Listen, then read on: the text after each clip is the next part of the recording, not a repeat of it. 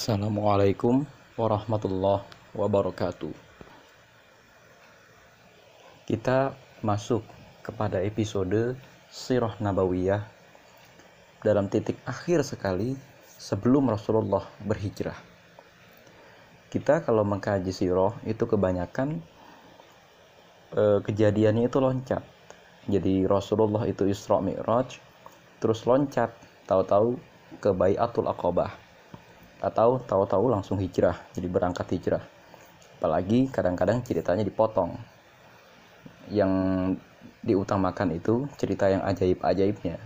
Ketika Rasulullah mau berangkat hijrah terus kemudian dibuat tidak terlihat oleh Allah sehingga Rasulullah bisa lepas dari kepungan orang-orang musyrik Mekah pada saat itu.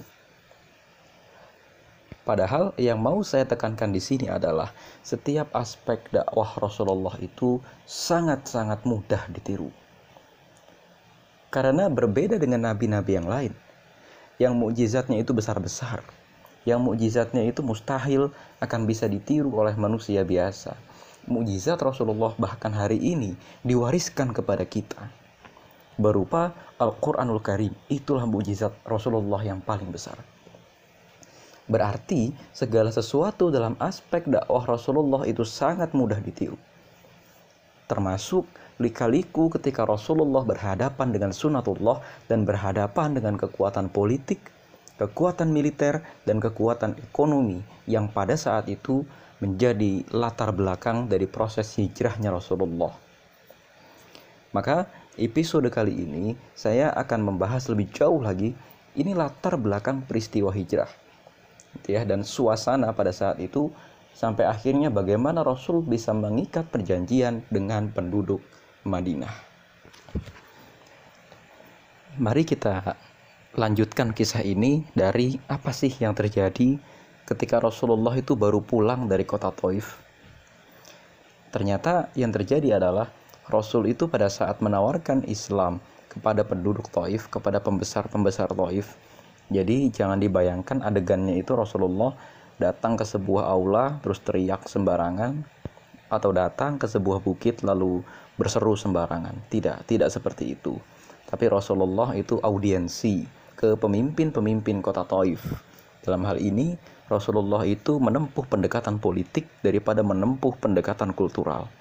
Jadi Rasul itu datang e, ceritanya tidak seperti Sneflit ya, pendiri Partai Komunis Indonesia yang datang kepada kaum buruh dan kemudian menciptakan disrupsi antara kaum buruh dengan kaum penguasa. Tidak. Tapi Rasul itu datang kepada kaum penguasa, tapi kemudian ternyata ini diusir oleh kalangan penguasa ini sehingga Rasulullah itu gagal menjalankan misinya di kota Taif. Nah, kemudian sampai di sini, gitu ya, Rasul itu nggak bisa pulang karena pada saat itu ada aturan setiap penduduk Mekah yang meninggalkan kota Mekah di luar bulan-bulan haram, artinya di luar bulan yang tidak boleh seseorang itu saling membunuh, maka orang itu akan menjadi warga yang disersi atau warga yang melarikan diri dari kewarganegaraan kota Mekah. Maka Rasulullah pada saat itu akhirnya gitu ya meminta bantuan kepada satu suku namanya suku Khuza'ah yang pada saat itu suku Khuza'ah ini tinggalnya di padang pasir. Suku ini adalah suku nomaden.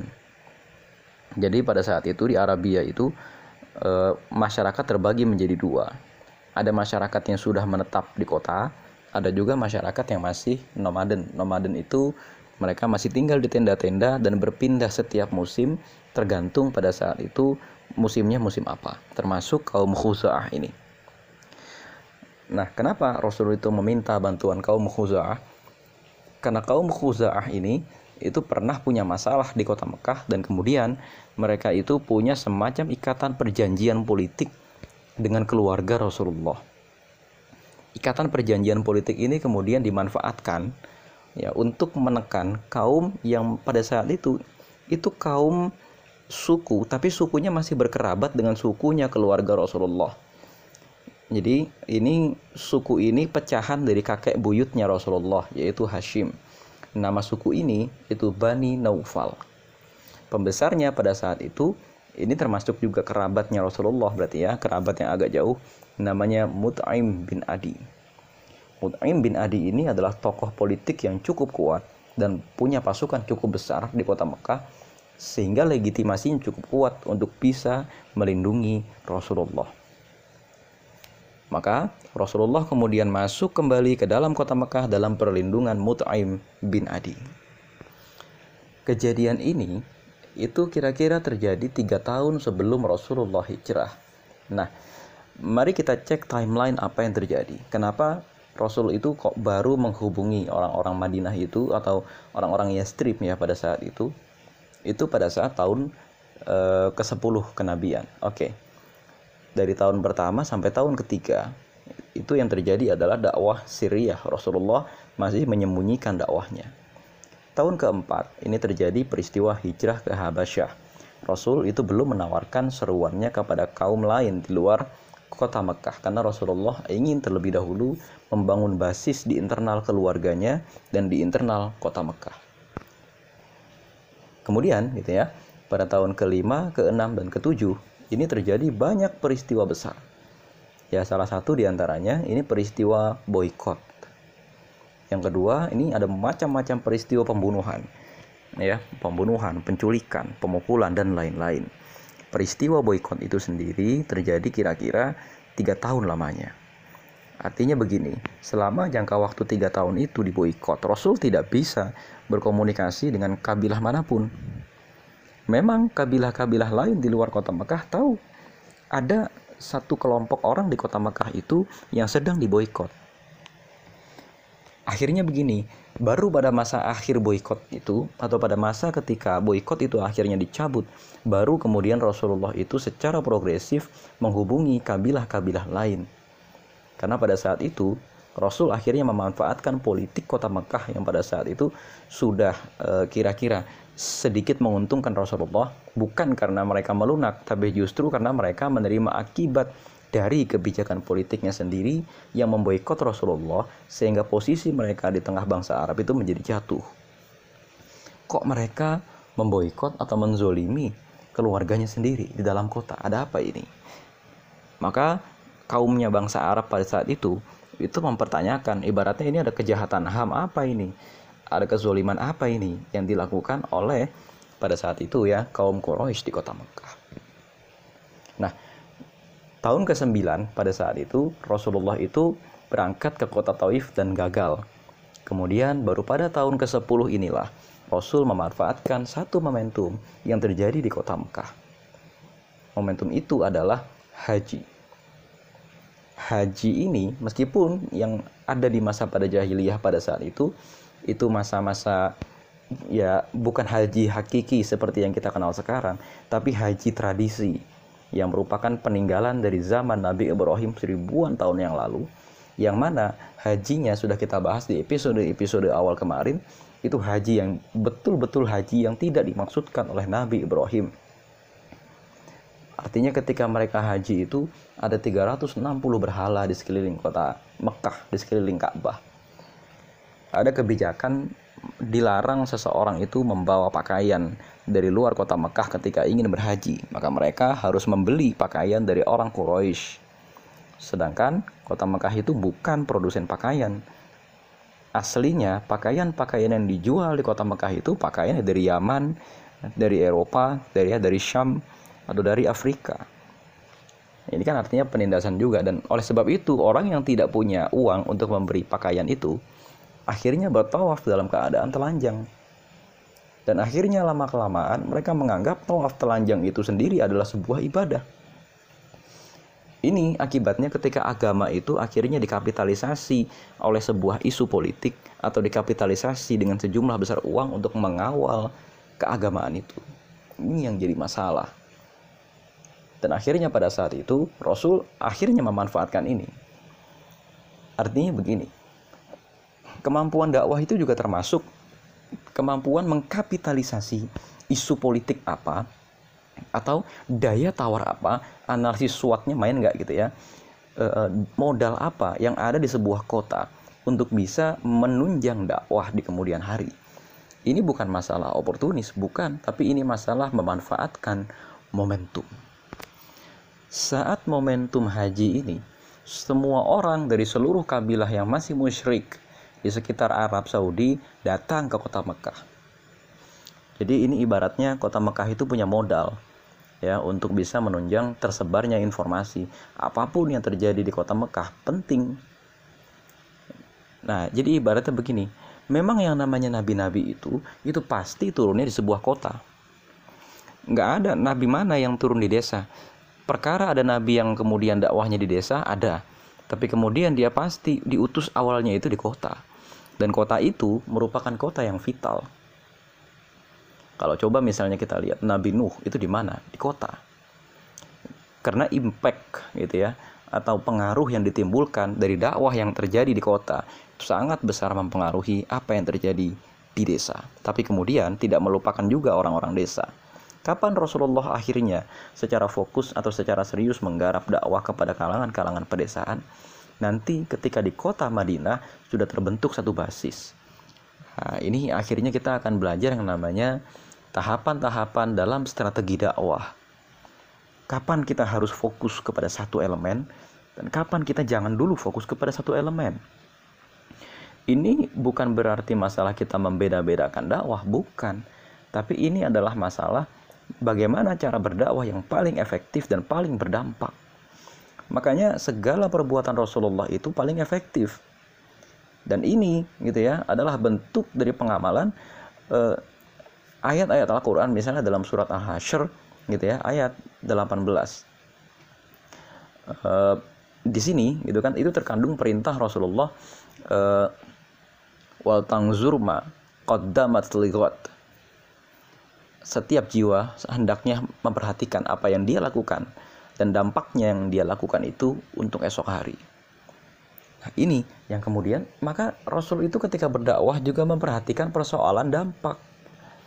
Bukan cuma memperhatikan persoalan-persoalan ya sudahlah, yang penting hari ini berdakwah, nggak dipikirin dampaknya gitu loh. Rasul juga memilih-milih dan memilah-milah target ketika Rasul akhirnya nanti menawarkan dirinya kepada kabilah-kabilah yang ada. Ini ada catatannya dalam kitab Sirah Ibnu Hisham yang Rasul tawarkan, terutama yang ada catatannya. Rasul menawarkan dirinya untuk hijrah itu kepada kabilah mana saja itu ada catatannya. Betul bahwa Rasulullah itu menawarkan Islam kepada semua kabilah, tapi Rasul tidak menawarkan dirinya kepada semua kabilah. Nah, ini ada catatannya kaum pertama gitu ya yang ditawarkan ini misalnya adalah ini kabilah Bani Kalb. Nah, Bani Kalb itu itu bani yang tinggalnya di ujung perbatasan antara Arab gitu ya dengan Syam, antara Arab dengan Romawi. Dan ini Bani Kalb itu itu kira-kira itu juga bani yang kira-kira selevel dengan Bani Quraisy. Mereka punya kota, mereka punya sistem dagang dan mereka punya kemapanan setelah Bani Kalb gitu ya ini ada keselatan lagi itu Rasul menawarkan dirinya kepada kaum Bani Hanifah Bani Hanifah ini bani yang cukup besar dan kuat. Bahkan mereka itu punya kota. Kotanya punya benteng. Nanti Bani Hanifah itu baru jadi akan masalah kira-kira 10 tahun lagi. Ketika Rasulullah hendak wafat Musailamah Al-Kazab pemimpin Bani Hanifah mengaku sebagai nabi. Dan Abu Bakar As-Siddiq cukup kerepotan untuk menghadapi Bani Hanifah ini karena ternyata mereka sangat kuat. Jadi gini, Rasul pada saat itu menawarkan dirinya untuk hijrah dan untuk dilindungi. Lelanglah siapa yang mau melindungi saya dan membawa saya ke negeri kalian. Bani Kalb di utara menolak, Bani Hanifah di selatan itu menolak. Nanti Bani Hanifah itu baru masuk Islam itu kira-kira di tahun ke-9 Hijrah nanti 10 tahun lagi dari tahun itu mereka baru akan masuk Islam setelah mereka melihat kebesaran dakwah Rasulullah. Lalu Rasulullah menawarkan dirinya lagi kepada kaum Quraisy yang tinggal di lembah, e, tinggal di bukit-bukit. Jadi gini, orang-orang Quraisy itu ada dua kelompok. Kelompok pertama tinggal di lembah di sekeliling Ka'bah. Kelompok kedua itu tinggal di atas, gitu ya, di di bukit-bukit. Ini ibaratnya kota Mekah itu seperti Semarang. Tapi Semarang itu kan berbatasan dengan laut. Kalau ini semuanya dikelilingi oleh gunung.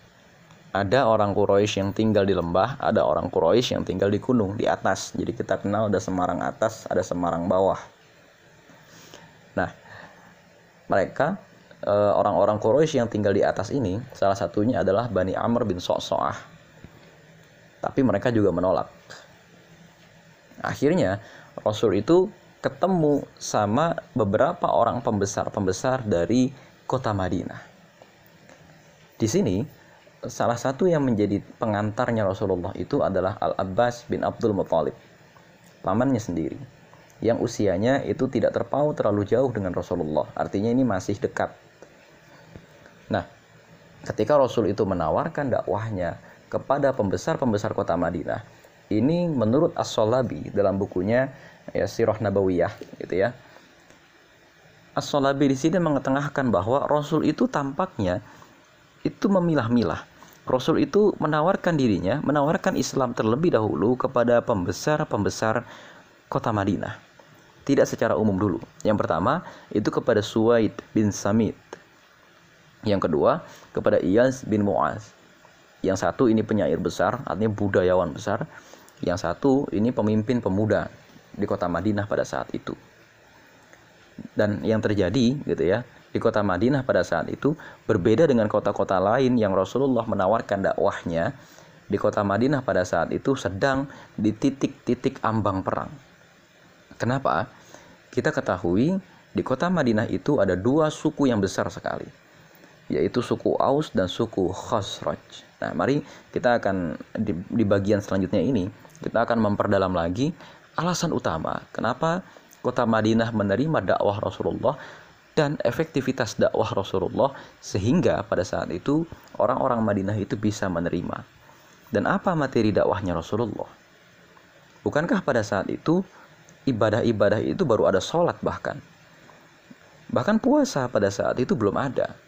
Jilbab saja itu belum diwajibkan. Khamr saja waktu itu masih mubah. Ya kan? Lalu apa yang ditawarkan oleh Rasulullah kepada orang-orang dari Mekah, dari Madinah itu? Mari kita akan kaji lebih jauh.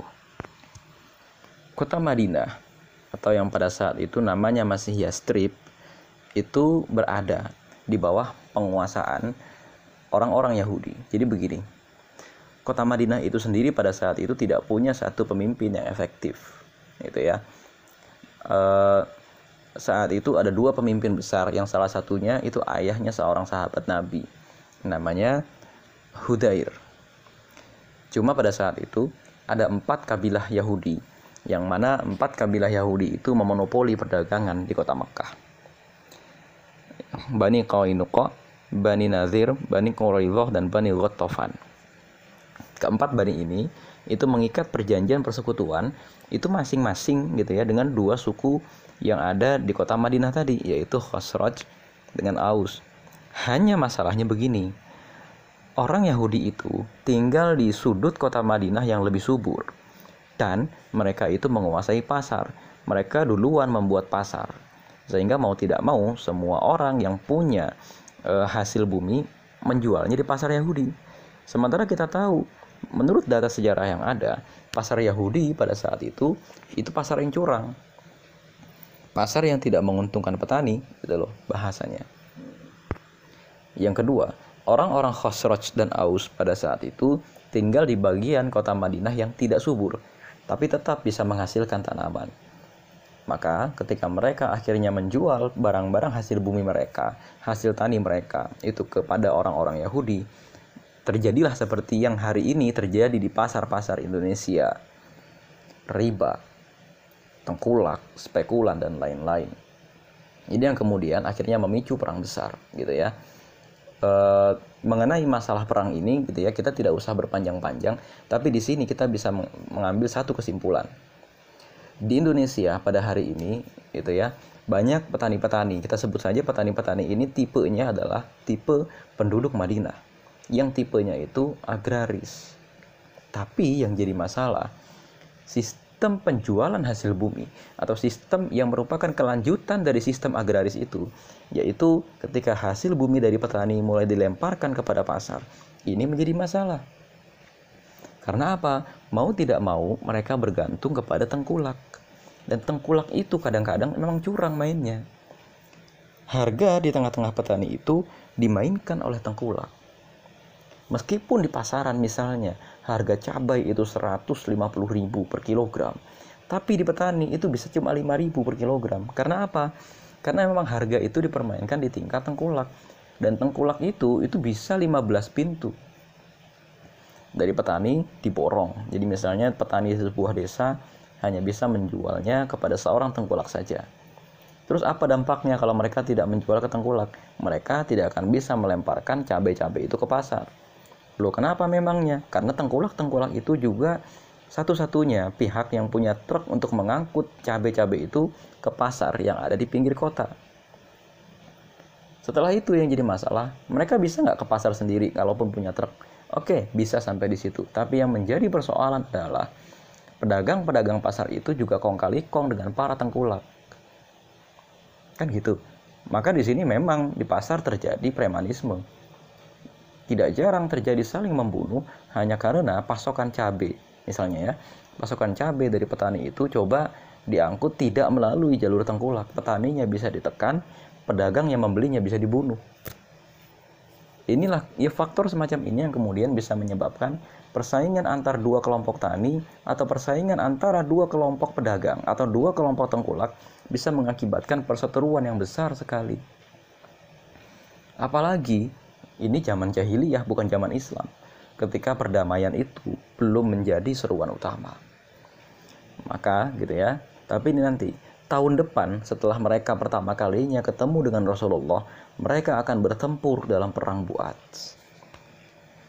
Tapi ini nanti, kira-kira situasi latar belakangnya di kota Mekah itu terjadi kezoliman yang sedemikian rupa. Nah, kemudian gitu ya, setelah Rasulullah itu mengajak pembesar-pembesar itu masuk Islam di beberapa tempat gitu ya. Pembesar-pembesar kota Madinah itu pulang dan mereka itu kemudian e, membicarakan dakwah Rasulullah tentu di forum-forum mereka.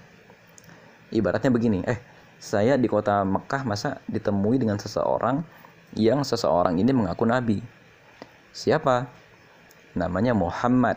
Riwayatnya begini begini begini begini begini yang memberikan kesaksian adalah Abbas, kata mereka begitu ceritanya. Yang harus kita ketengahkan di sini, ini strategi dakwah Rasulullah. Salah satunya adalah selain memang Rasul itu berpolitik, tapi Rasul juga membangun track record yang baik. Jadi begini, ada orang yang dibicarakan oleh para pembesar lantaran kejahatannya dan lantaran besarnya uang yang dia punya, sehingga kalau dia berbuat sesuatu, ya ini berbahaya buat kedudukan atau ini berbahaya buat pejabat-pejabat yang ada. Karena posisinya ini bukan karena track recordnya yang bagus tapi justru karena track recordnya yang buruk. Di dunia politik kita sering kali mem memperhatikan ya banyak orang semacam ini. Menjelang pemilihan presiden menjelang pemilihan bupati atau menjelang eh, pencoblosan partai-partai ada beberapa orang yang dibicarakan Lantaran kalau orang ini tidak diajak bekerja sama, orang ini bisa berbuat apa saja dan berbahaya. Ibaratnya kalau kita bicara politik, sangat makiavelis. Makiavelis itu artinya politik yang menghalalkan segala cara. Tapi berbeda dengan Rasulullah. Rasulullah itu track record politiknya bagus. Mari kita cek. Di tahun ke-10 hijrah ini, eh, di tahun ke-10 kenabian ini, gitu ya. Ini kan kira-kira kejadiannya di tahun ke-10 kenabian. Ketika Rasul itu menemui para pejabat-pejabat seluruh uh, seluruh kota yang ada di Arab Saudi pada saat musim haji gitu ya. Berarti pada saat itu usia Rasulullah itu 50 tahun. Ada data yang mengatakan bahwa di usia 30-an tahun Rasulullah itu uh, mendamaikan orang-orang pada saat mereka itu bingung siapa yang berhak meletakkan Hajar Aswad di Ka'bah. Nah, kita reminder peristiwa ini. Ini kan peristiwa kira-kira 20 tahun yang lalu. Dan ingat, Ka'bah ini itu sesuatu yang vital di musim haji. Pasti ketika tahun berikutnya atau tahun sebelumnya ketika Ka'bah itu direnovasi dan tahun berikutnya ketika Ka'bah itu selesai direnovasi ya dan renovasi Ka'bah ini beberapa tahun. Artinya selama beberapa tahun orang itu menyaksikan Ka'bah sedang direnovasi pada saat musim haji. Dan Ka'bah ini kan vital. Cerita mengenai proses pemindahan Hajar Aswad ketokohan Rasulullah ya Muhammad pada saat itu dan apa yang dia lakukan untuk mendamaikan kabilah-kabilah yang ada di sekeliling kota Mekah pasti viral. Viral. Dan kisah Rasulullah ini kan berkaitan langsung dengan Ka'bah pada saat itu maka otomatis gitu ya. Orang yang usianya kira-kira 50 atau orang yang kira-kira usianya pada saat itu sudah ikut naik haji tiga ya kira-kira 20 tahun yang lalu kira-kira usia 40 atau usia 50 atau usia 60 sangat mengenal Rasulullah. Karena barang tentu setiap tahun cerita ini diceritakan terus ya seperti urban legend lah gitu bahasanya. Tahu nggak? Di Ka'bah ini kenapa Hajar Aswad itu di situ Sebelumnya Hajar Aswad itu adanya di tembok. Tapi kenapa kemudian dibuatkan satu dudukan sendiri sehingga akhirnya Hajar Aswad itu menjorok keluar? Ceritanya begini, ada seseorang namanya Muhammad yang begini, begini, begini, begini. Dan itu nggak mungkin orang mendustakan itu. Jadi ketokohannya dibangun di sini. Itu yang pertama. Yang kedua, belum lagi, gitu ya. Kisah misalnya Rasulullah itu mengangkat e, seorang budak menjadi anak angkatnya sendiri yaitu Zaid bin Harithah. Ini terkenal juga ceritanya. Dan belum lagi cerita-cerita yang lain. Ketika Rasul itu misalnya itu sudah didesas-desuskan untuk menjadi nabi. Saat itu udah menjadi semacam urban legend. Kalau di negeri kita semacam Satrio Piningit atau semacam Ratu Adil, saat itu sudah ada cerita yang viral sekali bahwa nabi terakhir akan berasal dari kota Mekah atau setidak-tidaknya dari kalangan bangsa Arab dan memba'dismuhu Ahmad. Namanya itu Ahmad atau Muhammad. Dan saat itu orang yang namanya Muhammad yang mereka kenal, yang track recordnya cukup menjadi seorang nabi, hanya orang ini.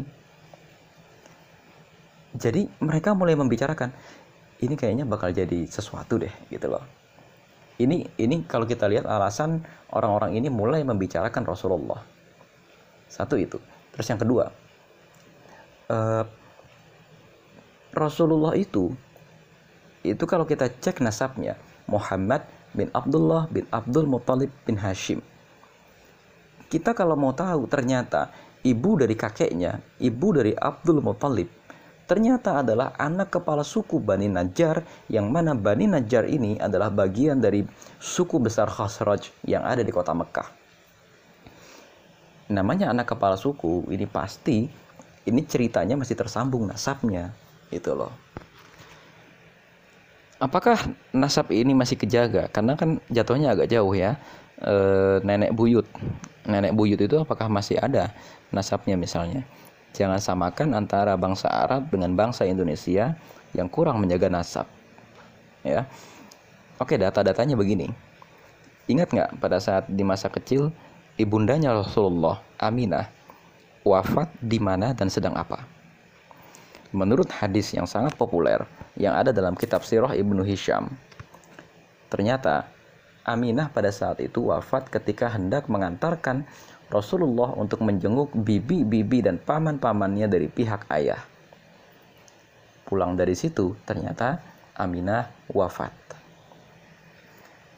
Dan pada saat itu pasti cerita tentang ajaib-ajaibnya Abdullah cerita tentang ajaib-ajaibnya Muhammad kecil tersebar juga di kota Madinah dan mereka menunggu apakah betul ramalan atau apakah betul ciri-ciri yang seolah-olah mengarahkan bahwa anak inilah yang kelak akan menjadi nabi terakhir. Jadi ini pentingnya ya coincidence bahasanya ya. Kita tidak akan pernah tahu apa yang kita lakukan berpuluh-puluh tahun yang lalu atau apa yang kita lakukan berbulan-bulan yang lalu ternyata punya dampak kepada masa depan. Butterfly effect itu bahasanya. Jadi yang menjadi persoalan adalah di sini interaksi Rasulullah dengan sunatullah. Gitu ya. Peristiwa hijrah itu bukan kemudian Rasul dalam kondisi yang tertekan, enggak. Malah kemudian tampaknya Allah itu mendatangkan kemudahan-kemudahan kepada Rasulullah. Ya. Artinya ini yang kemudian dijanjikan oleh Allah dalam surat Al-Insyirah. Ya kan? Innama al-usri yusra, fa innama al-usri yusra. Sesungguhnya sesudah kesulitan itu akan ada kemudahan. Rasul itu didatangkan untuk hijrah ke Madinah dengan segala kemudahan-kemudahan yang ada. Bahwa memang seolah-olah semesta itu mendukung bahwa Rasul itu harus pindah ke Madinah. Cuma tinggal sekarang usahanya itu gimana kan gitu. Karena segala kemudahan-kemudahan yang ada itu ternyata gitu ya sudah diciptakan sebab-sebabnya bahkan ketika Rasul itu belum menjadi nabi. Artinya sekarang Allah itu sudah menciptakan berbagai kemudahan. Kok kita itu ketika berdakwah masih saja mengeluh? Padahal kalau kita mau jadi Rasulullah itu, kalau kita mau ada dalam posisi Rasulullah, gampang untuk mengeluh. Bapak ibu sudah nggak ada, paman jadi penentang kita, paman yang membela sudah wafat, istri sudah nggak ada, anak banyak, kita sudah jatuh miskin, sebagian besar sahabat kita sudah pergi di Habasyah dan lain-lain. Tapi tidak dengan Rasulullah. Rasul itu orang yang sangat berpikiran positif sehingga dia masih bisa membangkitkan modal-modal awal, membangkitkan peluang-peluang sekecil apa pun. Nah, kira-kira begitu, gitu ya. Dan dalam hal ini coba mari kita lihat. Ketika mereka-mereka itu ya pembesar-pembesar kota Madinah itu e, dikunjungi oleh Rasulullah. Sebetulnya posisi Rasulullah itu di mana? Jadi begini, yang menjadi duta atau yang menjadi perantara antara mereka dengan Rasulullah itu adalah pamannya, yaitu Abbas bin Abdul Muthalib. Abbas ini ternyata perdagangannya itu erat berkaitan dengan penduduk kota Madinah. Jadi, Abbas ini posisinya pada saat itu sebagai juru bicaranya Rasulullah, penjamin bahasanya. Nanti akan muncul spekulasi yang terkenal sekali spekulasinya, apakah Abbas ini baru masuk Islam nanti 10 tahun kemudian ketika Rasul sudah berhijrah atau sebetulnya Abbas ini memang disiapkan menjadi mata-mata yang tugas seorang mata-mata itu adalah merekayasa satu kondisi agar tujuan utama dari user sang mata-mata itu bisa terlaksana. Karena Abbas ini pada saat itu pedagang besar dan perdagangannya itu banyak berinteraksi dengan penduduk kota Madinah. Sehingga pembesar-pembesar kota Madinah itu tahu siapa Abbas. Kalau mau cepat mengendalikan penguasa, atau kalau mau cepat bisa bersahabat dengan penguasa, jadilah pedagang besar yang menguasai kepentingan mayoritas penduduk di sebuah daerah. Maka dalam hal ini penguasa mau tidak mau akan menghubungi kita. Dan pada saat itu eh, ketika Rasul itu hijrah sampai di kota Madinah, kebanyakan orang tidak kenal siapa Rasulullah secara fisik, tapi mengenal wajah Abbas. Maka ketika orang bertanya, yang mana yang Rasulullah? uh, kamu lihat ini nggak Abbas kenal Abbas nggak oh kenal yang begini-begini kan kenal oke. Orang yang selalu di sebelah Abbas yang putih itu adalah Rasulullah. Ciri-cirinya di sebelah Abbas gitu loh. Maka di sini memang akhirnya yang menjadi perantara ketika Rasul pertama kalinya menerangkan dakwah kepada kabilah-kabilah di luar kota Mekah dalam musim haji adalah Abbas. Nah, jadi kira-kira itulah hiruk pikuk apa yang terjadi. Dan Rasul itu pun habis diusir, istrinya wafat, pamannya yang mendukung secara politik itu wafat, tapi tampaknya tidak terpengaruh dengan itu semua.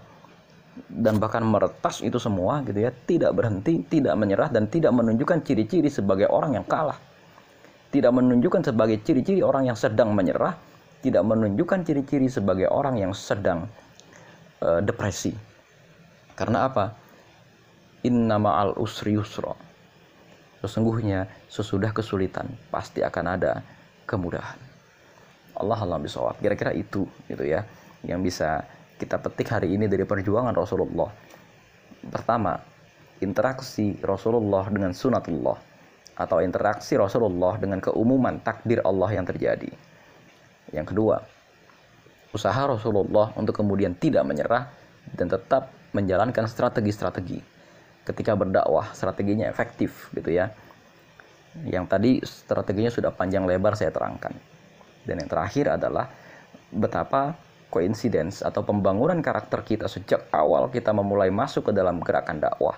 Atau sejak awal kita e, membaiat diri kita sendiri sebagai seorang dai itu penting. Jangan kita menyepelekan ya modal dakwah sekecil apa pun. Karena itu kita tidak akan pernah tahu manfaatnya di mana. Ketika Rasul di masa kecil di usia 5 tahun, 6 tahun, 7 tahun menjenguk kerabat-kerabat ayahnya di kota Madinah. Rasul tidak pernah membayangkan bahwa ternyata kerabat-kerabatnya itulah yang kelak akan menjadi kaum Ansor. Allah Allah bisawab.